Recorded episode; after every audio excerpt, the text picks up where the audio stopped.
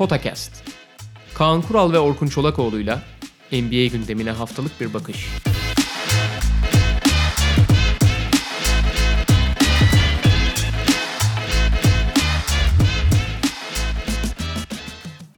Merhaba, Potakest'e hoş geldiniz. Kaan Kural'la birlikte. Bugün e, biraz daha farklı bir konseptimiz var Potakest'te. Ee, takım takım konuşmayacağız. Belli istatistikler üzerinden konuşacağız. Sezonun şu ana kadarki e, bölümünden e, böyle dikkatimizi çeken, en azından bizim dikkatimizi e, çeken çok önemli, kimisi çok önemli olmayan, kimisi önemli bazı istatistikler üzerinden konuşacağız. Yani atıyorum işte Houston Rockets'ın e, pace'te, tempoda yukarıya fırlaması ya da Boston Celtics'in savunma e, verimliliği istatistiğindeki başarıları gibi şeyler belli başlıklarımız var. E, biraz böyle rastgele gidiyor olacağız Kaan abi. Ee, önce Sacramento... istatistikleri ve bireysel istatistikler olarak da ayırdık. Önce istersen geçen haftadan bıraktığımız yerden başlayalım. Sacramento'dan. E, onlarla ilgili bir istatistiğimiz var yani onlarla girebiliriz Tabii dilersen. E, Sacramento Kings Pace'te ha şu hatırlatmayı da yapalım. E, Podcast'te Perşembe biraz erken saatlerde dolduruyoruz kaydı. Ve e, bu sabahki maçların sonrasında güncellenen en son istatistikler yok önümüzde. Hani bu sabahki maçlardan önceki istatistikler ama aşağı yukarı zaten fikir veriyor yani bir anda e, bir maçla çok büyük oynamalar olmuyor artık bu noktada. E, mesela Sacramento Kings bu sabahki Philadelphia maçından önce Pace'te 28. sıradaydı ki Philadelphia maçında da öyle çok yüksek tempolu bir oyun oynamadılar. E, maç oynanmadı. Geçen sezonsa 3. sıradaydı Sacramento Kings. Buradan başlayabiliriz. Abi en büyük şaşırtıcı nokta da bu zaten. Yani e, bir takım hücum verimliliği, oyuncu formsuz olur, takım kötü gider, hücumda iyi başlar, savunmada kötü başlar bir oyuncu. Yani işte pot altında e, oyuncuların yetersizdir falan bunlar olabilir de pace dediğimiz yani maç başı maç temposunun bu kadar dramatik bir değişim üstüne üstlük tamamen pace üzerinden oynayan bütün kurgusunu tempo üzerine kurgulamış bir takımın bu kadar düşmesi hani bence bu sezonki bütün bu tuhaf istatistikler arasındaki en en en beklenmedik ve en tuhaf olanı. Hı hı. Şimdi e, tabii ki De'Aaron Fox sakatlandıktan sonra bu temponun düşmesi beklenebilir. Çünkü De'Aaron Fox temponun merkezi ve en çok sürükleyen isim ama sadece De'Aaron Fox sakat değil. De'Aaron Fox sakatlanmadan önce de tempoda çok düşük oynuyorlardı. Yani bunu sezon başı itibariyle Luke Walton işte bu Hindistan gezisinin onların hazırlıklarını çok bozmasına falan da bağlamıştı ama babacım hani takımın dağınık olması başka şey, yavaş oynaması bambaşka bir şey. Bir de geçen seneki tabloya bakıyorsun. Geçen sene Sacramento beklenmedik bir şekilde çıkış yakalamıştı değil mi? Özellikle Darren Fox çaylak sezonundan sonra ikinci sezonunda büyük bir çıkış yakalamış. Marvin Bagley sezonun büyük bölümünü sakat geçirmesine rağmen takım çok ciddi bir süre playoff yarışında gitmiş ve son bölümde playoff yarışından düşmüştü. Nitekim Şubat ayında o Darren Fox'un sakatlığından sonra ıı, form bulamaması da bunda çok daha etkili gözükmüştü. Ve baktığı zaman ligin en çok fast break sayısı atan takımı, en, en tempolu üçüncü takımı, ligin en çok fast break sayısı atan takımı ve fast break sayıları dışında yarı saha basketbolunda da son derece verimsiz, yarı saha basketbolunda son derece etkisiz bir takım olarak gözüküyordu. Yani bu takım tempo yapmazsa cacık olmaz gibi bir özet vardı. Hı hı. Abi buradan gelip temposuz oynamayı ben hiç anlayamadım. Nitekim ilk 5 maçta perişan oldular. Çok ağır yeni. Phoenix'ten 30-30 yediler yani. Feci maçlar çıkardılar.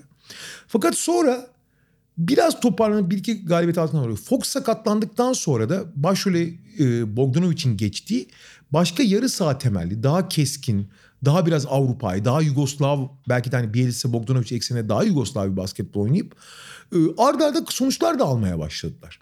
Aslına bakarsam şimdi Marvin Bagley, Darren Fox, Buddy Hield bu takımın genç nüvesi ve ileriye doğru çekirdeği olması beklenen isimler. Nitekim bu sezon yapılan transferlere baktığın zaman işte Harrison Barnes'a tekrar imzalanması, Corey Joseph, Dwayne Dedman, Trevor Ariza gibi transferler tamamen bu yapıyı tamamlayacak yan parçalar gibi gözüküyordu. Yani geçen senenin üzerine bir şey inşa edip ligin en uzun süredir playoff'a kalamayan takımı playoff yapmak hedefiyle sezona girdi. O yüzden zaten devamlı önemsediler ve e, bir yıldız oyuncu kovalamak ya da daha uzun vadeli bir şey yapmak yerine eldeki üç temel oyuncunun işte Hield, e, Bagley ve Fox'un gelişimine güvendiler. Onların tamamlayıcı olması. Şimdi abi eyvallah bu plan hani hiç fena değil ve kısa vadeli çok ciddi bir önlerinde hedeften öte bir mecburiyet gibi bir şey var playoff'a kalmak gibi. Hı hı. E tamam burası da gayet iyi. E Luke Walton'u getiriyorsun. Luke Walton geçen Lakers kariyerinde gördük ki çok yüksek tempo oynamayı da söyledi. Her şeyi Fakat bu ne abi? Yani hani bu karşımıza çıkan tablo çok şaşırttı yani. Hakikaten çok şaşırttı.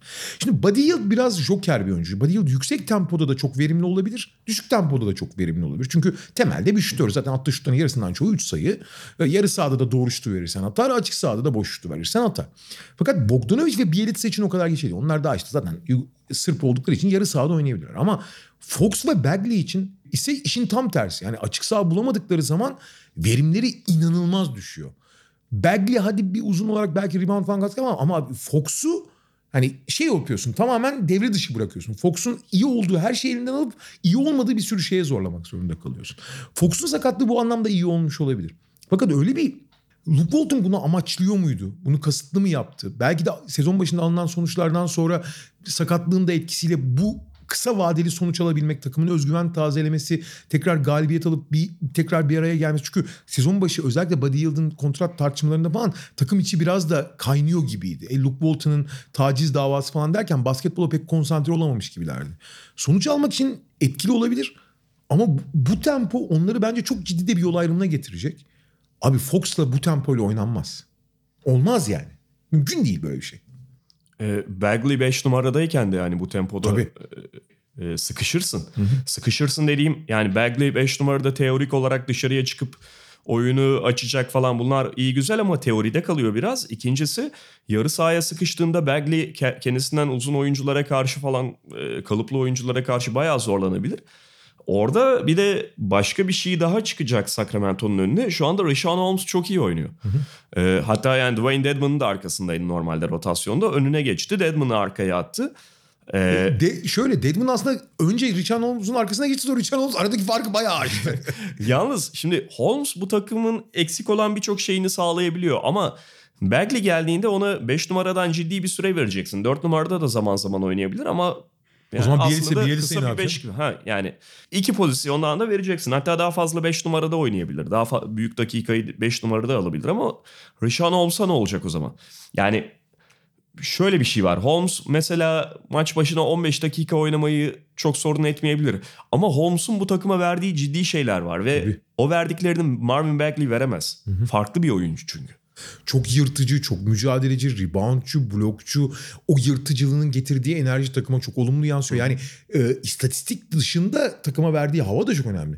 Fakat hani bunların hepsi eyvallah falan hani rotasyonda kime ne kadar dikkat edin. Fakat abi bu tempo hakikaten akıl alır gibi değil. Yani e, tamamen tempo üzerine kurulmuş bir takımı bambaşka bir şeyde oynatıyorsun. Şey gibi yani herkese e, e, ilkokul çocuklarına baştan aşağı ekstralar üniforma almak gibi bir şey bu ya da tam tersi yani. Hani o üniformaya gelmezsin. Ha şey bir de tabii kısa vadeli hedeflerle uzun vadeli hedeflerin çok çatışması söz konusu burada. Şimdi kısa vadeli hedef ne? Tabii ki playoff'a girmek. Ve daha kısa vadeli hedef maç kazanmak çünkü çok zor durumda başlamışlardı. Şimdi bunlara yanıt olarak çok kısa vadeli bir çözüm olarak görebilirsin. İşte daha düşük tempo, Bogdanovic, Bielitsa, keza Richan Holmes ve uyum sağladığı için Buddy Hield'ın olması. Ama abi esas bu takımın kurgusunu tamamen dışarı dışarıdan mı bırakacaksın yani? Artı hani seninle sohbet ediyorduk. Bu alınan galibiyetlerde çok aldatıcı olmaması gerekiyor. Çünkü sezon başındaki mağlubiyetler sırasında Buddy Hield sezona çok yavaş girmişti. Hı hı. Ve son dönemde Buddy Hield inanılmaz bir form yakaladı. Zaten çok iyi bir şutör onu biliyoruz. Geçen sezon yanılmıyorsam ligin en çok şut atan 3. oyuncusu olarak bitirmişti sezonu. Bu sezonda yani üstüne e, e, Bogdanovic de çok iyi şut attığı için bu şut performansı onları bu temponun getirdiğinden daha iyi göstermiş olabilir. Yani bu sürdürülebilirliği çok soru işareti bir konu. Hı hı. Başka bir pace istatistiğiyle devam edelim. Houston Rockets. Onlarda da tam tersi bir görüntü var. Geçen sezon onlar da 27. sıradaydı tempoda ama bu sezon bu sabahki Miami maçı öncesinde en azından ikinci sırada yer aldılar. Yani Russell Westbrook'la belli bir artış bekleniyordu ama e, bu bayağı dramatik bir artış. Korkunç bir artış abi. Ligin en yavaş takımlarından en hızlı takımlarından birine dönüşüyorsun Hı-hı. yani. Şimdi Westbrook'un etkisi ortada. Yani Westbrook topu aldığı zaman rakip sahaya çok çabuk geliyor, çok çabuk karar veriyor. Fakat mesela Sacramento'nunkini çok şok edici ve hatta saçma bulsam da Houston'ınki biraz daha anlaşılabilir bir durum. Çünkü Houston'ın oynamaya çalıştığı şeyi hızlı da oynayabilirsin. Çünkü Houston zaten bir şey oynamıyor ki abi. Houston hiçbir şey yapmıyor abi zaten. Houston'da herkes gidiyor bir köşede duruyor. Harden ya ikili oynuyor ya kendi atıyor. Bitti. Ya dünya ya yemin ederim Naismith basketbolu ilk bulduğunda 1905'te bile daha sofistike oynanıyordu herhalde basketbol yani. Ha efektifliğine hiçbir şey demiyorum. Ortada abi efektifliği. Yani hücum veriminde yıllardır başarılı oluyorlar. Hani Harden gibi bir oyuncun varsa oynayabiliyorsa abi şapka çıkarırsın helal olsun. Hani seversin sevmezsin ama helal olsun. Fakat bunu hızlı veya yavaş oynamak çok çok çok da bir şey fark etmiyor. Yani Harden'ı veya diğer oyuncu ya özellikle Harden'ı yıpratmak haricinde yani çok tempo oynadığı için daha fiziksel olarak yıpratmak haricinde çok da bir şey değişmiyor. Hatta belki daha hızlı gelmek, daha erken şut fırsatı bulmak anlamında. Çünkü e, tamamen diğer oyuncular alan açmak için yerleştiği için erken yerleşebilirse daha bile fırsat bile bulabilirler. Yani hızlı oynamakta çok çok sakınca yok dediğim gibi Harden'ı yıpratmak hariç. Fakat bu kadar dramatik bir değişimde yani Westbrook'la açıklanacak bir değişim değil. Onlar biraz daha hızlı oynamaya takım halinde de e, niyetlenmiş gibi gözüküyor. Yani Westbrook'un sadece tempoyu artırmasıyla alakalı değil bu. Ee, ama işte yani Harden yine verimli. Söylediğin gibi her tempoda o basketbolunu oynayabiliyor. Bunun Westbrook'a bir fayda sağlaması lazım. Westbrook bir türlü istikrarlı. Yani gerçi Westbrook ve istikrarı artık birbirinden ayırmak ve o beklenti içerisinde olmamak gerekiyor ama tam olarak yerini bulabilmiş değil Westbrook. Teorik olarak belki buldu. Evet benim bu takımda Harden'ın yanında almam gereken rol bu. Bu noktalarda beklemem gerekiyor falan diyor. E, fakat bunu kabullenmekle bu rol içerisinde etkili olmak, gerçekten verimli olmak farklı şeyler ve dikkat et bütün sıkışık durumlarda, bütün üst düzey rakiplere karşı Westbrook'un verimsizliği öne çıkıyor. Çünkü verimli olması gerekiyor ve şimdi yani Westbrook'un bir sürü eleştirecek tarafı var. Bence yıllarca çok eleştirdik zaten de. Bu biraz anlaşılabilir abi. Çünkü Westbrook NBA tarihinde en yüksek usage rate'lerle oynayan oyunculardan biriydi. Yani top kullanma oranı, sahadayken topa karar verme oranı. Abi onun en büyük rakiplerinden biri NBA tarihinde James Harden abi. Şimdi ikisi de yüzde kırkların usage rate oynanırsa abi basketbol iki kişiyle oynanmıyor yani. yani. Doğal olarak birinden birinin ödün vermesi gerekiyor. Kim ödün verdi abi? Ödün vermek zorunda kaldı. Westbrook kaldı abi. Çünkü Harden hala benzer usage rate'lerle oynuyor. Geçen sene %41'e kadar çıkmış. %38'lerle falan oynuyor. Yani çok az düştü ama çok az düştü yani. Gene Harden karar veriyor. Şimdi Westbrook'un niyet olarak sen haklısın. Niyet olarak bu role aslında biraz gönül indirmek mi dersin? Uyum sağlamak mı dersin? Bunu yapmaya çalıştığını gerçekten çalıştığını görüyorsun. Bunu sadece demeçlerinde değil sahada da çalışıyor. Hı hı. Ama abi buna alışmak bir problem. içselleştirmek çok daha büyük bir problem. Şimdi Westbrook'un doğasında öyle bir sükunet ve ne derler makro bakış açısı yok ki. Abi Westbrook'un tek bildiği şey koç başıyla gidip kale duvarına kafa atmak abi. Böyle oynamayı biliyor çünkü. Nitekim işte hani bir şey olmaya çalışıyor mesela. Bir Daniel House rolüne bürünmeye çalışıyor. Gidip köşede durayım top gelirse üçlük atayım falan. Bir kere zaten sabit bir şütör olarak çok çok değerli bir oyuncu değil. Hı hı. Ama nitekim yapmaya çalıştığı şeyi anlamaya çalışıyor. Fakat bence orta vadede onlar için bir tane küçük bir çıkış yolu belirdi bir anda. Ve Westbrook buna ne kadar adapte olacak göreceğiz. Abi Westbrook hücumda Draymond Green rolünü almayı öğrenebilirse eğer bu Houston için çok önemli bir çıkış kapısı olabilir. Çünkü gördük ki abi takımlar Harden'ı savunmak için çok ekstrem yollara başvurmaya başladılar artık. Yani bir nevi Stephen Curry'nin zaman zaman gördüğünü çok daha yoğun görüyor. Abi Clippers ve şey maçlarında Dallas maçlarında orta sahada ikili sıkıştırma gidiyordu abi Harden'a. Ha tamam bunlar ekstrem yöntemler ama Harden savunması için çok ekstrem tedbirler alınması gerektiğini görüyoruz. Ve burada eğer Curry Draymond Green köprüsünü yani Curry'e gelen yardımı Draymond Green'in dörde üçü değerlendirmek açısından direkt topu alır almaz potaya giderdi hatırlıyorsun. Bir tane lob atardı, köşeye atardı vesaire vesaire. Kendi bitiremese bile. Westbrook'un bitirme özelliği de olduğu için Draymond Green'in hücumda aldığı rolü alır ve dörde üçe saldırmayı öğrenirse bu Houston için çok ciddi bir hem Westbrook için hem Houston için çok ciddi bir verim artışına yol açabilir. Valla hücumda dediğin gibi Draymond Green rolü üstlenmesinin yanında e, savunmada da aslında Draymond Green vari bir motor olması gerekiyor. Takımın motoru olması gerekiyor. Ondan ümitli misin abi? Abi yok değilim ama şöyle herifin sonuçta bunu yapabilecek atletik donanımı var. Fazlasıyla. Ve yani şey biraz alışkanlık meselesi. Westbrook senelerce takımın yıldızı olduğu için hiçbir zaman savunmaya istikrarlı olarak yüzde yüzünü veren bir oyuncu olmadı. Ağır diz sakatlıkları da geçirdi. E, sık sık geçirdi. İşte öyle sakatlıklar atletizm üzerinden e, oynayan bir oyuncuyu artık 31 yaşına falan da gelmişken yıpratıyor, geriletiyor belli bir ölçüde. Burada küçük bir nokta ekleyeyim. Westbrook hücumda olduğu gibi savunmada da risk almayı çok seviyor. Ama abi savunma çok risk alınacak bir alan değil. Ama işte yani bu verimsizliğin, bu hücumdaki dalgalanmalı halin yanında bu kadar da kötü bir savunma, kötü derken dünyanın en kötü savunmasını yapmıyor ama bir yerden bir temizlemen, telafi etmen gerekiyor. Yani hücumda atıyorum 22 top kullanıyorsun, 22'de 8 ile oynuyorsun. Bunu oyun karakterine verip takım tolere edebiliyor. Zaman zaman 6-7 top kaybı yapıyorsun. Tamam Westbrook bu. Bunun da stili böyle. O gitsin işte e, senin söylediğin gibi koçbaşı rolünü zaman zaman yine üstlensin diyorsun. Tolere ediyorsun. Ama abi savunmada da bir şey ver. Ki bu takımın çok ihtiyacı var buna. Ya bak Chris Paul o kıkırdaksız dizlerle biliyorsun daha iyi savunmacı. Ü- Ve kıkırdaksız dizler diyorsun. Fizik olarak da düşünürsen Houston tamamen switch temelli bir savunma olduğu için e, Westbrook'un kuvvetli ve fizikli olması aslında bu switch temelli savunma için çok daha ideal. Evet. En azından kağıt üzerinde. Ama kağıdın parkeye yansıdığını Westbrook'ta maalesef görmüyoruz abi. Ben hücumda yalnız bu kapı açılırsa ona yani o Draymond Green rolünü Harden'dan takıma köprü rolünü 4'e 3'ün lideri e, rolünü almayı başarırsa Westbrook bunun onu daha motive e, yani en azından daha disiplinli bir oyuncuya görece tabii bu. Görece disiplinli bir oyuncuya çevirip bu savunma switchleri konusunda da daha ne bileyim en azından sakin kalmayı ekleyebileceğini düşünüyorum. Çünkü Westbrook'un abi hatalarından iki tane temel hatası var savunma konusunda bakarsan. Birincisi çok dalıp gidiyor abi. Yani hakikaten o bir an evvel hücuma geçelim de saldırayım diye bekliyor. İkincisi de çok risk alıyor. Bu ikisi de abi savunmanın kabul edemeyeceği şeyler. Savunma disiplinle alakalı abi. Hep pozisyonuna koyacaksın. Bu kadar basit. Sabırlı olacaksın. Doğru yapacaksın. Abi Westbrook'un karakterine de hiç uygun değil. O yüzden Westbrook'un asla çok disiplinli veya çok e, pozisyonunu kaybetmeyen bir savunmacı olmasını beklemiyorum ama abi biraz da iyileşme göster be abi. Ee, Pace demişken iyi bir tane daha Pace atalım. Onunla devam edelim. Lakers. Onlar da geçen sezon Luke Walton yönetiminde e, dördüncü sıradaydı. Biliyorsun yani geçen sezon iyi giderken Lakers özellikle onların o yüksek tempoda oynama çabası üzerinden çok konuşmuştuk.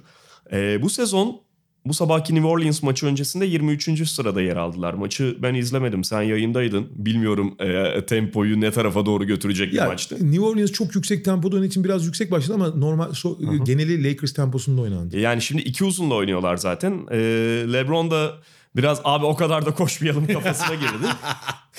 Gerek yok. Bu koşma yorucuymuş hocam. e, fakat şöyle bir şey var abi. Hem kadro profili itibarıyla hem de artık NBA temposu zaten her sene artıyor, artıyor, artıyor, artıyor. Yani her sene e, ortalamayla birlikte artmaya da gerek yok. Çünkü bazı takımlar çok şuursuz oynuyorlar ve Evet. o ortalamayı yukarıya çekiyorlar ama fa- faydayla birlikte yukarıya çekmiyorlar. Aynen. Yani istatistik yukarıya gidiyor olabilir. Fakat ligin ortalaması yukarıya çıktı diye sen de ortalamayı her durumda takip etmek ve işte ortalamanın yukarısında yer almak durumunda değilsin. Ee, Lakers kendi oyununu burada buldu. Ve bence onlar için mesela Sacramento'nun aksine e, hiç sakıncalı bir durum yok. Ya Sacramento'nunki şok ve çok anlaşılmaz.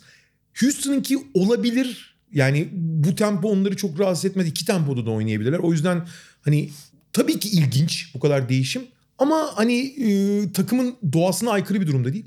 Lakers'da ise çok, durum çok farklı. Abi takımın doğasına çok daha uygun bu. Nekim geçen sene hatırlayacaksın. işleri iyi giderken LeBron sakatlanana kadarki dönemde çok önemli bir Lakers için ayrım vardı. Takımın geri kalanı çok yüksek tempodan anormal beslenen oyunculara bağlı. Fakat LeBron'un temposu bu değil abi. LeBron çünkü hani biraz evvel Bogdanovic ve Bielitsa için söylediklerimiz abi yarı sahaya çok hakim yani artık hele kariyerinin bu aşamasında hani atletik olarak e, düşmesi gibi bir söz konusu şeyden bahsetmiyorum. E, oyuna o kadar hakim, o kadar keskin oynayabiliyor ki yarı sahada zaten bir sürü sorunu çözüyor. O yüzden düşük tempo yani Cleveland takımlarına falan da bakarsan LeBron için daha uygun. LeBron'un takımı öyle. Fakat geçen sene ben en çok onu takdir etmiştim sakatlanana kadar. Abi LeBron gönül indirip kendinin en sevdiği veya en verimli olduğu tempoda değil takımın verimli olacağı tempoda oynamaya çalıştı. Başardı da abi bunu. Her şey iyi gidiyordu aslında bir yere kadar. Sonra sakatlık, takım içi sorunlar, Anthony Davis takası bilmem ne falan filan derken dağıldı sezon. Ama bu sene özellikle diğer parçalar ayrıldıktan sonra Josh Hart'ı, işte şeyi Brandon Ingram'ı, Lonzo Ball'u ayrıldıktan sonra bu seneki takıma da tempo çocuk uygun değil. Üstüne, üstüne üstlük bu, bu seneki takımın tek mutlak zaten patron oydu da ama mutlak yöneticisi, sahiç yöneticisi de LeBron. O yüzden asist kralı zaten. Ha açık ara asist kralı. Evet, açık ara. Bireysel istatistiklerden biri de oydu. Yani onunla birlikte değerlendirebiliriz. Açık ara asist kralı. Evet. Ve şöyle söyleyeyim. Abi sezon başından beri o kadar LeBron maçı seyrettik. Abi LeBron bu arada %100 konsantrasyonla oynamıyor maçları. Ha bazı maçları baştan sona konsantre. Bazı maçlarda 20 dakika geziniyor sahada. Şey gibi ya. Resmen e, play konsolda NBA 2K oynuyormuş gibi ya. Sen şuraya git, sen şuraya git. Aa bugün Davis formda. Al Davis abi bak sana güzel tam istediğin yere pas. Baba atarsın sen bunu. Bir maçın ilk mesela hangi maçta? iki maç önce. ilk maç yarıyı bir asistle bitirip maçı 13 asistle bitirdi falan. İkinci yarı çok daha San Antonio maçı. odaklanıp falan. Abi öyle yani bu seneki Lakers LeBron'un ustalık eseri abi. Yani her şeye hakim, ne olduğunun farkında. Nerede senle esprisini yapıyoruz ya abi şey e, aktif, live load management yapıyor ya. Canlı load management yapıyor. Sağda load management yapıyor ya. Bazı maçların 20 dakikasında falan o kadar umursamıyor ki takımı bile aşağı çekiyor bazen. Ama bazen ağırlık koyuyor. Bakıyor kimse oynamaya niyet yoksa kendi öne çıkıyor falan. Ama her şeyi yarı sahada çözmeyi çok daha istiyor. Çünkü yarı sahaya çok hakim abi. Gerek yok onun açık saha oynamasına. Ha bu seneki takımın profili de zaten çok açık sahaya çok çok uygun oyunculardan kurulu da değil. Abi yarı saha oynamak gerekiyorsa zaten böyle oynayacaktı. Bu bu mesela bu değişim tepeden dibe iniş çok daha normal, çok daha beklenen çok daha olması gereken bir değişimdi. Ve yani bununla birlikte mesela tempoda son 10 içerisinde yer alıyorlar. 23. sıraydı dediğim gibi New Orleans maçı öncesinde. Ee, ama arada iki kritik istatistik de var. Fast break maç başına fast break sayılarında 6. sıradaydı Lakers. Yani o görece düşük tempo içerisinde yine açık sahayı bulduğunda hemen değerlendirebiliyor. Tabii onda çok etkili iki tane faktör var. Anthony Davis gibi sağa koşabilen bir uzun bir de LeBron gibi ver abi topu çat Anthony Davis'e falan bütün sahayı geçen pas atabiliyor. Ya da gerektiğinde tempoyu force edebiliyor. Ee, bir de ikinci şans sayılarında çünkü ikinci şans sayısı yarı sahaya yerleştiğinde daha mümkün olan bir şey. Rebound iki uzun da varsa e, Lakers'ın çoğunlukla oynadığı gibi. İkinci şans sayılarında da ilk dört içerisindeydi Lakers. Buradan o istatistik var mı bilmiyorum ama şey, Lakers'ın savunma istatistiğine de geçelim istiyorsan. Çünkü burada Düşüşte. düştü ama savunma verimliliğinde iyi bir sezon geçiriyor. Evet Lakers. evet. Abi şey çok önemli. Ee, bu hücum reboundu istatistiği var ya.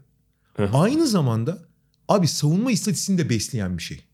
Çünkü hücum reboundunu force ettiğin zaman abi rakibin erken gelmesini çok engelleyen bir şey ve savunmanı destekleyen bir şey aynı zamanda. Evet. Ve bu sezon başı itibariyle her ne kadar son dönemde çok hafif düşüşe gösterse de bence insanları en çok şaşırtan Lakers'ın savunma verimliliği istatistiği oldu. Kesinlikle. Düşüşte dedim o yani sezon başına göre düşüşte. Bir de deplasman turu fala- falan oynadılar. Senin söylediğin o e, LeBron James'in idare etme durumu tabii ki takıma da sirayet ediyor. Ama bu iyi bir savunma takımı. İyi bir savunma takımı. Kesinlikle Bayağı iyi. iyi bir savunma takımı. Abi şey çok önemli. Ee, bir ara ikinciydi değil mi Lakers? Bundan 3 maç ya da 4 maç önce. İki- Hatta birinciydi. Birinci gitti bir ara ama o fikstürle biraz bağlantılı deniyordu. Biraz ikinci gitti son üç maça kadar falan da şu anda zaten ilk beşinci mi altıncı mı ne öyle bir şey. Fakat şu şu durum var. Abi Lakers'ın yani bu seneki Lakers'ın mottosu yani Los Angeles yeteri kadar Lakers. Yani LeBron'un LeBron'da vücut bulan yeteri kadar oynama durumları var. Yani hiçbir şekilde mesela ona işte 15-2 gidiyorlar şu ana kadar. 15 galibiyet almış durumdalar. Abi hiçbir maçı rakibi sürklase ederek falan kazanmıyorlar. Yeteri kadar oynuyorlar abi. O 5 sayımı 5 sayıyla kazanalım. 10 sayımı 10 sayıyla kazanalım. Ha bir iki tane maçın maç sonunda biraz şanslarının da yardımıyla kazandılar ama mesele o değil. Rakibi hiçbir şekilde sürklase etmiyor. Ama hiç kimse de onları sürklase edemiyor işte. O savunma reytingindeki düşüşte şey de çok önemli tabii. Hemen hemen aynı anda Avery Bradley sakatlandı. Çünkü o direkt ilk at baskı yapan. E, o sakatlandığı anda neredeyse Rajon Rondo döndü. kızgın sular, kızgın kumlardan serin sulara Serin diyorsun. sulara oldu ve haliyle düşüş yaşıyorsunuz. Ne kadar Alex Caruso'yu falan araya atmaya çalışsanız da. Ama senin söylediğin noktaya gelirsek abi bu gerçekten iyi bir savunma. Çünkü çünkü Anthony Davis hiçbir zaman bir Rudy Gobert ya da ne bileyim bir Draymond Green konsantrasyonunda savunma odağında olmayacak. Çünkü olağanüstü bir hücum oyuncusunun bu kadar ciddi bir savunma konsantrasyonu vermesini bir beklemezsin iki vermesin zaten. Çünkü onda hücumda daha daha önemli daha kritik işler bekliyorsun. Fakat Anthony Davis yapı fiziği gereği ve yetenekleri gereği abi olağanüstü bir savunmacı ya. O kadar çabuk ayaklarla o kadar çok her yere yetişiyor ki. Abi mesela Anthony Davis'in ne derler yüzde 60 yüzde 70 odaklanmayla ligin blok kralı adam. Yani Anthony Davis Rudy Gobert rolünde oynuyor olsa muhtemelen da, çok daha yüksek blok rakamları yılın savunmacısının bir numaralı adayı olacak. Çünkü adam bunları yapabilecek bir vücutla doğmuş. Öyle bir kulaç genişliği, öyle bir zamanlaması, öyle bir e, çevikliği. Bir... Şimdi abi çabuklukla çeviklik aynı şey değil. Abi ikisinde de yani en üst düzeyde. Yani NBA 2K'da çabukluk ve çeviklik değerleri arasında ikisi de o 99 adamda zaten yani. Ya şöyle söyleyeyim. Hiçbir zaman kendini %100 ona vermeyecek söylediğin gibi ama Lakers eğer ilk üç içerisinde falan bitirebilirse savunma reytingindeki muhtemel çok ciddi aday olur. Çok ciddi en azından aday olur. savunma ilk beşine kesin seçecek. Ha Davis olduğu zaman herkesin işi de çok daha kolaylaşıyor. Lebron da çok seçerek yapsa da çoğu zaman abi orta yalandan böyle orta sahada topa müdahale ediyor geri koşmamak için falan. çok gülüyorum bazen. Ama abi gerektiği zaman da abi belki maçta işte atıyorum 100 possession mı oluyor? Yani 80'ini falan yani 60'ını falan idare ediyor. 20'sini falan umursamıyor ama 20'sinde falan da hakikaten savunmada hala neler yapabileceğini gösteriyor. Mesela en basit örneği dünkü New Orleans maçının son çeyreğinde Brandon Ingram'ı yok etti ya. Ee, savunma reytinginden devam edeceğim. Başka bir takıma geçiyorum. Çok farklı bir personelle çok üst düzey savunma yapan Boston Celtics. Onların da tabii bu sabahki Brooklyn maçı öncesindeki savunma istatistiği. Burada bir parantez açayım. İstati- bazı istatistikleri iki farklı yerden aldım. Şimdi genellikle resmi NBA.com istatistiği üzerinden konuşuyoruz da ee, şey var biliyorsun Ben Falk'un Cleaning the Glass sitesi var ve orada istatistikleri çok güzel biçimde ayırıyor. Bazı kategorilerde bence değerli. Ee, garbage time'ı hariç tutuyorum diye not var sayfalarında. Çünkü bazı maçlar işte 25 ile giriliyor mesela artık benchler oyuna girmiş. Son 5 dakikada saçma sapan sen at ben atayım e, ritminde gidiyor maç. Ve gereksiz istatistikler ortaya çıkıyor. Onların hepsini tıraşlıyor Ben Falk.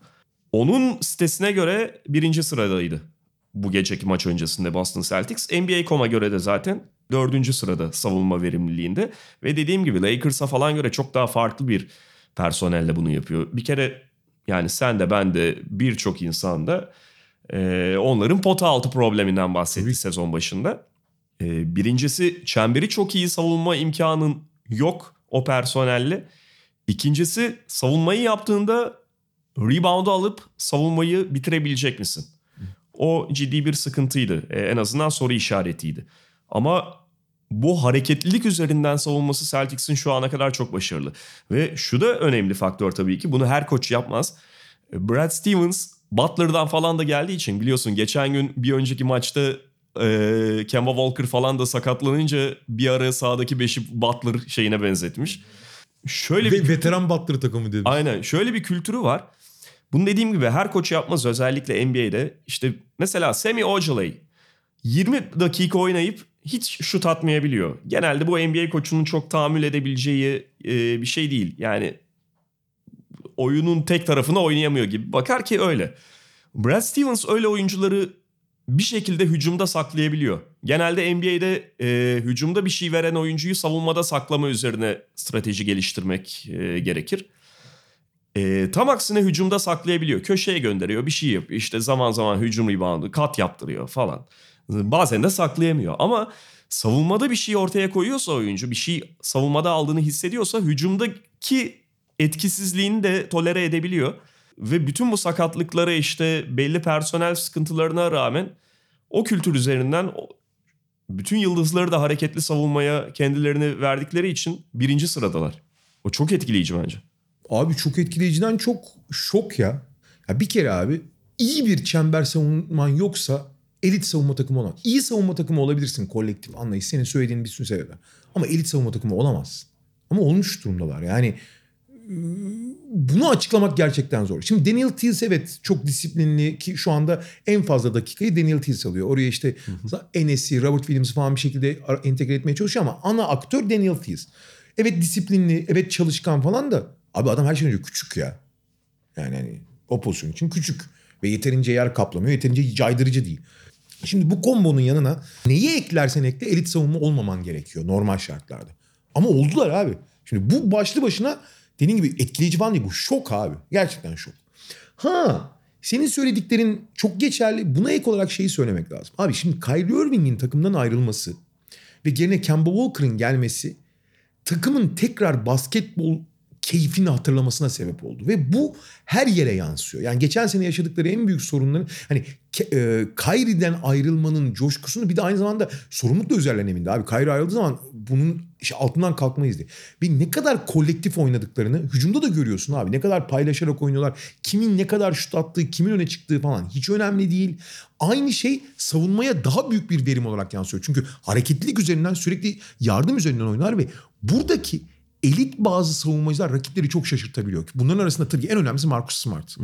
Yani Marcus Smart bugün NBA'in yani Kawhi'la falan birlikte ki Kawhi artık eskisi gibi yapmıyor ayrı konu da hiç ilgilenmiyor yani. Daha doğrusu ilgilenmiyor derken %100 yapmıyor hücumdaki görevlerinden dolayı. Ama Marcus Smart şu anda NBA'nin en iyi dış savunmacısı olabilir. Ve o kadar yani kısa belki ama o kadar kuvvetli ki uzunla falan eşleştiği zaman uzunların canını okuyor abi. Hele potadan biraz uzaksa uzunlar. Toplu oynayamıyorlar çünkü. O Marcus Smart'ın yıpratıcılığını savunmanın vurucu gibi gücü gibi kullanıp kolektifliğini ve çabukluğunu da tamamen işte pas kanalları, rakibin penetre kanallarını savunmak ve rakibin bütün düzenini bozmak üzerine kurgulamış durumda. Ve bundan da çok ciddi şekilde verim alıyorlar. Gerçekten çok ciddi verim alıyorlar. Bu mesela sezon başında bir Philadelphia maçı hiç tutmuş. Philadelphia bunları fizikten, kuvvetten dolayı perişan etmişti ama belli eşleşmeler çok ters gelebilir. Özellikle fizikli Philadelphia gibi takımlar ki ama Philadelphia dışında da pek böyle bir örnek yok. Ama bunun dışında bütün bu işte kolektif oynuyorlar, bir arada oynuyorlar, iyi savunmacılar. Ha orada mesela Jalen Brown da çok önemli. Jalen Brown da nihayet istik- görece istikrarlı bir sezon geçirmeye başladığı zaman oyun iki tarafında oynayabiliyor olması çok değerli.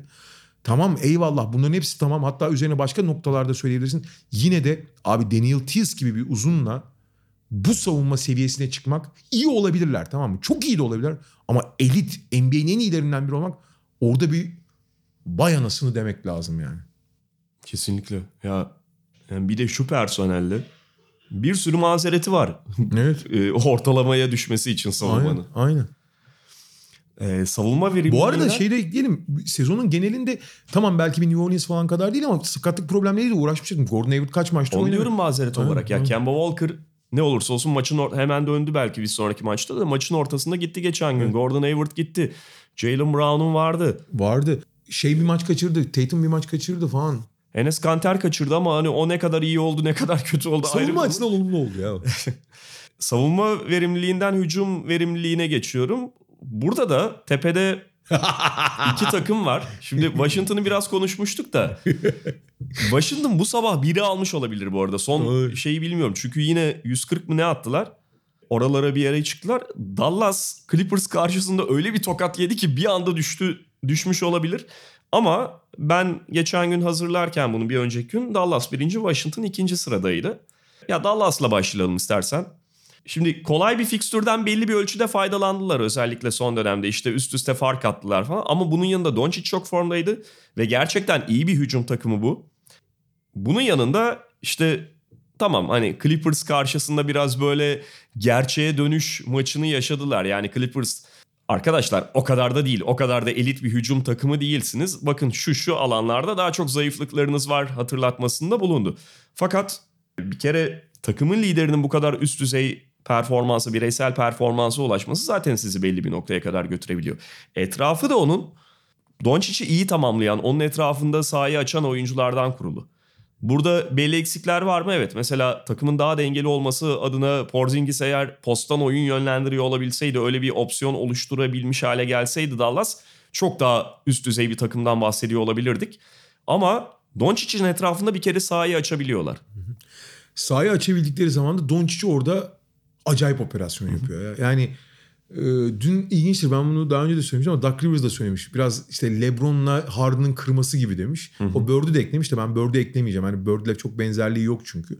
Ama resmen LeBron'un saha yönetimi, saha hakimiyetiyle Harden'ın skorerliğinin bir kırması gibi adeta. Ee, ben Doncic'le ilgili olarak hep atletik olarak zorlanabileceğini düşünüyordum bazı açıdan. Yani en üst seviyeye geldiği zaman ama. Ee, ama görüyoruz ki onu teknikle ga- gayet kapatabiliyor. Yani atletizminin en en en zirve olduğu yerlerde ne kadar performans vereceği ayrı konu. Ama şey önemli abi. e, diğer oyuncuların hizalanması Yıldız'ın etrafında çok önemli. Yani zaten Dallas yıllardır yan parçalarından ve diğer takımların çok değerli görmediği parçalarından verim almasıyla ünlü bir takım. Rick Carlisle da öyle komboları kullanması. Ama aynı zamanda şimdi bir yıldız oyuncu ve fark yaratan bir oyuncunun etrafında kendi rollerini benimsemeleri de önemli. Ee, Abi hangi maçta hatırlamıyorum. Ee, Hem Porzingis'in hem Doncic'in çok zayıf oynadığı bir maçta bench'in tamamı çift taneleri çıkıp maç kazandı ya. Yani bunu hala yapabilecek durumdalar ve buralardan verim verim dediğin şey zaten buralardan geliyor abi. Senin yıldız oyuncunun iyi günündeyse zaten iyi oynuyorsun. Kötü günündeyse veya iyi günündeyken diğer oyuncular kendi rollerini doğru oynamışsa verimi buralardan sağlıyorsun. Ekstra verimi yani en üst düzey verimi. Nitekim Dallas bence geçen seneden başlayan şeyi bu sene daha ileriye götürdü. Doncic'le birlikte, Doncic'in özelinde. Fakat Doncic'in etrafında da çok iyi hizalanmış durumdalar. Buradaki tek istisnai konu Porzingis işte. Hani e, Porzingis'i hiç henüz entegre edebilmiş değiller. İşin ilginç yanı Porzingis de Porzingis'in hiç sevmediği şekillerde kullanmaya çalışıyorlar. Daha çok sırtı dönük. Zaman zaman 5 numara savunması gerekebiliyor. Çünkü takımın diğer uzunları gerçekten 5 numara gibi değiller. Dwight Powell biraz oynuyor ama küçük kalıyor orada. En büyüğü Porzingis ama Porzingis 5 değil. Porzingis sadece 2.19 abi. 2.19 diye 5 numara. Bu şey gibi abi altyapıdaki uzun çocuğu geç pota altına oynatmak demek gibi demeye benziyor. Çünkü Porzingis'in abi bir 5 yani 5 numaradan istediğin özelliklerin hemen hemen hiçbirine sahip değil. Blok hariç. Blokçu ama o da 2.19 olduğu için atlet olduğu için. Onun dışında reboundu kötü. Sırtı dönük oyunu kötü. Alçak posttan oyun göndermesi kötü. Hep yani be- bir 5 numaradan beklediğin hemen hiçbir şey yok Porzingis. Porzingis sadece 2.19.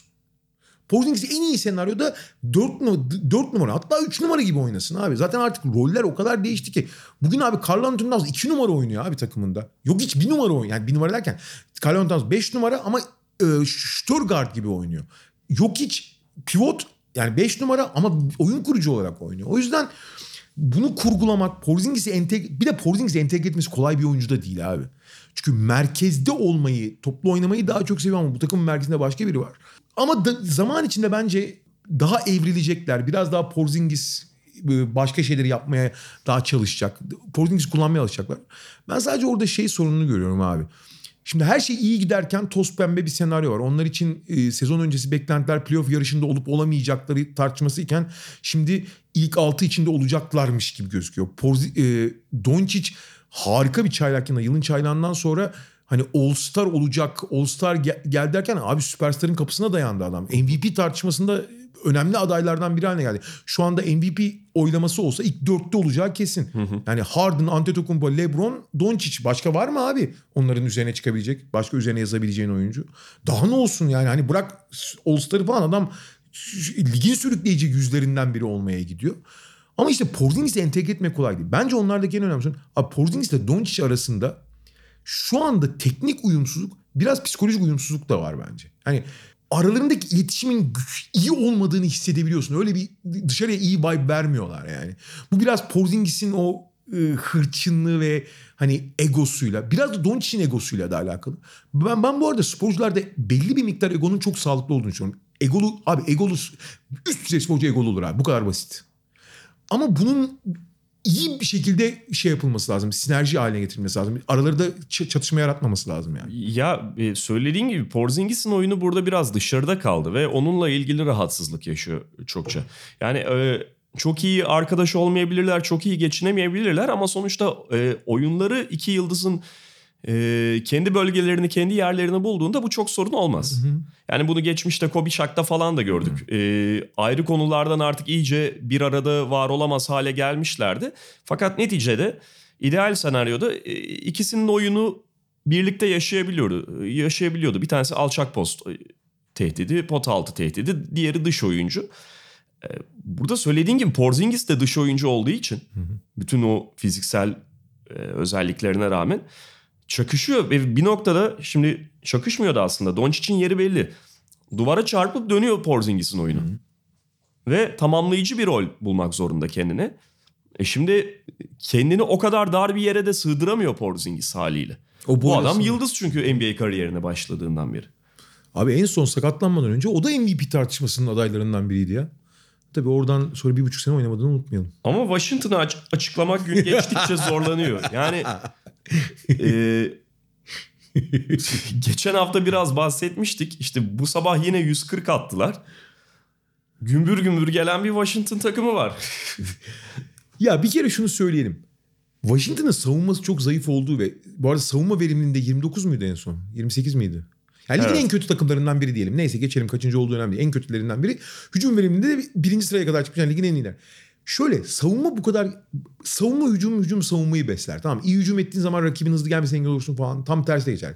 Fakat Washington'da biraz o kadar ekstrem bir durum var ki. O kadar kolay sayı yiyorlar ki rakipler çoğu zaman bir sen at bir ben atayım temposuna girip Washington'ın hücumunu görece rahat bırakıyorlar. Yani çok di- dirençsiz bir savunma göreceğiz. Onların savunmaları da düşüyor. Psikolojik olarak, teknik olarak değil, psikolojik olarak. Şimdi bu yüzden Washington'ın işi biraz kolaylaşıyor. Ama bu tabii ligin tepesine çıkmalarını çok açıklamaz. Ve abi çok ilginç. Ee, Bunu da açıklamakta çok zorlanıyorum. Bradley Beal çok iyi bir sezon geçiriyor. Eyvallah tamam da. Abi bu Washington kadrosu ligin en zayıf kadrolarından biri abi. Kağıt üzerinde tamam mı? Yani hücum anlamında da genel anlamda da. Fakat görece daha zayıf gibi gözüken, görece daha az potansiyelli, daha az yetenekli gibi gözüken oyuncuların hepsinin hücumda çok rahat hissetmesini se- e, sağlayan bir hücum oynuyorlar. Bradley Beal'ın da buna çok katkısı var. Teknik olarak da psikolojik olarak da. Yani diğer oyuncuların top kullanmasını hiçbir şekilde gocunmuyor ve- veya bütün topları elinde istemiyor. Ve herkes çok rahat bir şekilde hücum edebilecek özgürlüğü bulmuş durumda takımda. Yani Scott Brooks'un da bir taktik deha falan olmadığını geçtiğimiz yıllarda biliyoruz. Yani bir senede bir aydınlanma yaşamadıysa biliyoruz yani. Fakat bu rahatlık ve bu diğer oyuncuların hani e, istedikleri gibi istedikleri topları kullanabiliyor olmasının getirdiği rahatlık ve görece hepsinin belli bir hücum e, etkinliğinde başlaması bir anda çok beklenmedik bir patlama yaratmış durumda Washington'a ya. Evet ve şimdi şöyle bir şey de var abi. Gerçekten biraz açıklaması zor bir durum ama açıklamaya başladığında da bu maalesef şuna doğru gidiyor. Biraz ligin şu anki haliyle de alakalı bir doğru, durum. doğru. Yani şey konusunda çok katılıyorum sana. Washington maçlarında rakiplerin içine girdiği bir durum var ve e, neredeyse uyuşuyorlar. Aynen. Yani kafalar böyle güzel oluyor. Washington'da arada işini görüyor. Ee, yüksek skorlara çıkabiliyor. Yalnız ligin genel durumuyla ve özellikle belli kümedeki bir grup takımın durumuyla da alakalı bir şey var. Buna dair iki istatistik var. Farklı iki istatistik. Yani onları çıkardım. Biri tam istatistik değil de savunma reytinginde son 10 sırayı sayıyorum abi bu geceki maçlar öncesinde. Şimdi Portland, Cleveland, Sacramento, Memphis, New Orleans, San Antonio, Charlotte, Atlanta, Golden State, Washington. Sonuncuydu Washington işte. Şöyle bir problem var abi. Burada 10 tane takım var. Başta Portland vardı ki bu sabahki Chicago maçından sonra Chicago muydu? Chicago, Chicago, değil. Chicago, Chicago. Yok yok Chicago bir öncekiydi. Bu sabahki maçlarını hatırlamıyorum. Biraz daha yukarıya çıkmış olabilirler. Ee, Portland 21. sıradaydı. Oklahoma City'di bu sabah. Portland 21. sıradaydı. Şu anda 19-20 de olabilir. Her neyse biz yine 21 kabul edelim. Ama Portland savunmasını görüyoruz. Portland'dan daha kötü 9 tane daha savunma takımının olması iyi bir şey değil. Bu kötü bir tablo. Doğru. Bunun yanında bir istatistik daha var abi. Şu anda NBA'de %40 galibiyet oranının altında 13 tane takım var. Bu sabah 13'e indi. Orlando ile Sacramento'da hemen %40 eşiğinde. Yani her an 15'e de aslında inebilir. Geçen sezon 6'ydı abi bu sayı. Bunu sezon başında da bir ara konuşmuştuk. Tam olarak bu istatistikle olmasa. Bak geçen sezon 6'ydı, bir önceki sezon 9'du, bir önce ondan bir önceki sezon 8'di. Şimdi azalır sezon ilerledikçe ayrı konu ama e, bu çok yüksek bir miktar. NBA'de şu anda çok fazla kötü takım var. Gerçek anlamda kötü takım var. Sezonun şu ana kadarki e, bölümü için konuşuyoruz. Kötü ve kötü oynayan diyelim. Bazıları kötü olmadığı halde çok kötü oynuyorlar. falan. Tabii tabii yani burada kadro kötülüğünden falan bahsetmiyoruz ama aktüel durumu öyle ya da böyle kötü diye tarif edip bir şekilde Doğru, kötüye doğru. çıkan, yolu kötüye çıkan çok fazla takım var abi. Doğru. Şöyle sezon başı da bunu çok şikayet etmiş. Hatta bir tane podcast'ta da uzun uzun konuştuk. Ondan sonra biraz durumun görece toparlandığını düşünüyorum ben. Bu sezon başı dağınıklığının atılması falan. Ama genel geçer yani sezonun ilk iki haftasındaki kadar korkunç bir tablo olmasa da genel itibariyle çok fazla kötü durumdaki kötü oynayan mı dersin, kötü kadro mu dersin? Ne dersen de kötü durumdaki pek çok takım var. Bu konuda çok haklısın abi. Yani bu %40'ın altındakilerle işte bazı e, çoğu savunma verimliliği az önce saydığım savunma verimliliğinde son onda takımlar e, zaten şey kesişiyor. Hadi Golden State'in özel bir durumu oldu. Golden State'i ayıralım ama New Orleans'ın, San Antonio'nun, Portland'ın bu kadar kötü ve Sacramento'nun e, bu kadar kötü olmasını beklemiyorduk. Sacramento biraz toparladı kendini. İşte %40'ın çok az üzerinde olan takımlardan biri o. Ama New Orleans, Portland, San Antonio büyük hayal kırıklığıydı şu ana kadar. Aynen öyle. Aynen. Hadi New Orleans'ın da bence be- beklenenin çok altında ayrı konu da hani sakatlıklar konusunda az da olsa bir bahanesi olabilir de yani durum gerçekten e, dramatik. Bu arada savunma hücum verimliliği demişken e, Orlando'dan da bahsedelim mi? Olur. Yani Orlando'da Washington'ın tam tersi e, evet çok iyi bir kolektif savunma takımı haline dönüştüler ki geçen sene bunu yapmışlardı. Ellerindeki malzemeden maksimum savunma verimliliğini alıyorlar. Artı Jonathan Isaac de artık e, savunma anlamında özellikle bir İsviçre çakısına dönmüşmüş durumda ve çok özel bir oyuncuya doğru yavaş yavaş evriliyor. Fakat onların hücumları da duvara çarptı adeta. Çünkü şut performansı bekledikleri oyuncular arasında Evan Fournier dışında herkes feci girdi sezona. Terence Ross, DJ Augustin zaten şutu sınırlı bir takım. Yani az şuttan Vucevic de sakatlandıktan sonra falan hücumda gerçekten çok elleri kolları bağlı bir duruma geldiler. Onların durumu ama biraz personelle alakalı ve şut performansıyla alakalı ama onların durumu da hani istatistik olarak çok dramatik. Çünkü ligin en iyi savunma takımlarından biriyken ligin uzun süre son sıradaydılar bir yerde hücum verimliliğinde. Galiba şu anda 28'e falan anca çıkabildiler ama yani o zaten sınırlı şut olan bir takımın o şutörlerinin de Fournier hariç hepsinin dökülüyor olması takımı çok zor. Abi bir ara %28 de üçlük atıyorlardı ya takım halinde. %30'u buldular galiba. Hala çok kötüler de %28'e kadar gerilemişlerdi yani. Ee, çok ufak bazı bireysel istatistikler söyleyeceğim. Onlarla bitirebiliriz. Malcolm Brogdon bu sabah 22 sayı 8 asistle oynadı. 18'de 10 isabet ve 30 dakikada bu arada. Bugünkünden önceki istatistikleri 18.8 sayı, 8.2 asist, 2.9 top kaybı. Yani asist top kaybı oranı iyi ve sadece %32 ile üçlük atmasına rağmen normalde çok daha iyi bir şutör. Milwaukee'nin en büyük hatası. Kesin. Kesinlikle. Kesinlikle. Ve o Ve yani bu arada, tamamlayıcı bu rolden- arada, bu arada Malcolm Brogdon ideal rolünde oynamıyor. Ha, şeye gelecektim. Tamamlayıcı rolde başarılıydı ama orada ana aktör olunca özellikle e, Oladipo'nun yokluğunda falan ana aktör olmak durumunda kalınca performansı düşer mi diyorduk. Bayağı iyi oynuyor. Ve çok iyi şut atmamasına rağmen kesin bunun üzerinde yani yine %40'a da dayanacaktır şut yüzdesi. Zaten ideal rolüne yani ana top yönlendirici rolünden çıktığı zaman asist rakamları biraz düşse bile yüzdeleri çok artacaktır. Aaron Baines bambaşka bir oyuncuya dönüştü. Of. 14.5 ya o sakatken Suns'ın ne kadar zorlandığını gördük görüyoruz. 14.5 sayı %44 üçlük ve maç başına neredeyse 2 isabet 3.1 asist. Savunmadaki o bütün yaptıklarının ya da hücumdaki perde katkısının falan e, yanı sıra. Çok değerli bir oyuncuya dönüştü. Yani değerli bir görev adamının ötesinde artık. Şöyle abi tabii ki çok haklısın ve bu üç sayılar gerçekten onu çok değerli bir oyuncuya dönüştürdü. Ama abi şunu da anladık ki özellikle bu hücum katkısını bırak abi savunmadaki Aaron Baines tüm NBA'deki en underrated oyunculardan biri olabilir abi. hani hücumla şimdi göz önüne çıkması önemli abi. Savunmada hep doğru yerde doğru iş yapıyor ya. Sen şeyi duydun mu? Lakers DeMarcus Cousins sakatlandıktan sonra mı ne? İşte hani Dwight Howard falan ortada yok. Pivot almak gerekir diye düşünürken aralarında ya bu Suns zaten Baines'i bırakır buyout eder diye plan yapmışlar. Bu arada bence Boston'da da çok ciddi bir akıl tutulması oldu. Onlar Horford'u kaybettikten sonra abi sadece Baines kalsaydı biraz evvel seninle Boston'la ilgili konuştuğumuz konuların yarısını konuşmamıza gerek kalmazdı abi. Çember savunma ve 5 numara konusu. Abi şey e, hani e, Celtics için hep şey konuşuluyor ya. Gerçekten iddialı bir takım olmaktan bir uzun takası uzaklıktalar. Biz de konuşuyoruz. O, o uzun Baines Abi şu anda. Baines abi. Ve biliyorsun Baines'e 5 milyon dolar vermemek için tutmadılar ya. Evet. Baines'in kontratı 2 çarpı 5 10 milyon dolar kontrat. Ve Baines ellerindeydi abi. Baines tutsalardı hiçbir eksikleri kalmıyordu ya. Bir tane son bireysel istatistik kapatırken Brandon Ingram e, o da yine bu sabahkinin öncesindeki istatistikleri 26.1 sayı %46 üçlük maç başına 2.6 atıyor. Ve Önündeki en büyük engeli kırdı. Ve abi oyun stiline falan bakarsan da onunla ilgili lige katıldığı zaman ikinci sıradan seçilirken projeksiyon neydi? Kawhi Leonard klonu olabilir mi? Abi şu anda Kawhi Leonard klonu gibi oynuyor. Özür dilerim. Kevin Kawhi- Durant. Özür dilerim. Özür dilerim. Kevin Durant. Çok özür dilerim. Tabii ki Kevin Durant çok çok çok yüksek bir standart. Ama Kevin Durant light bile olsa muazzam bir seviyeye gelmiş demektir ki şu ana kadar Kevin Durant light gibi oynuyor. Evet.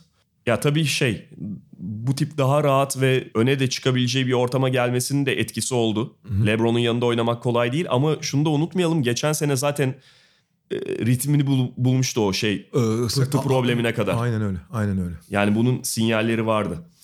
Diyoruz ve bitiriyoruz. Bugünlük bu kadar podcast'ten tekrar görüşmek üzere. Hoşçakalın. Hoşçakalın.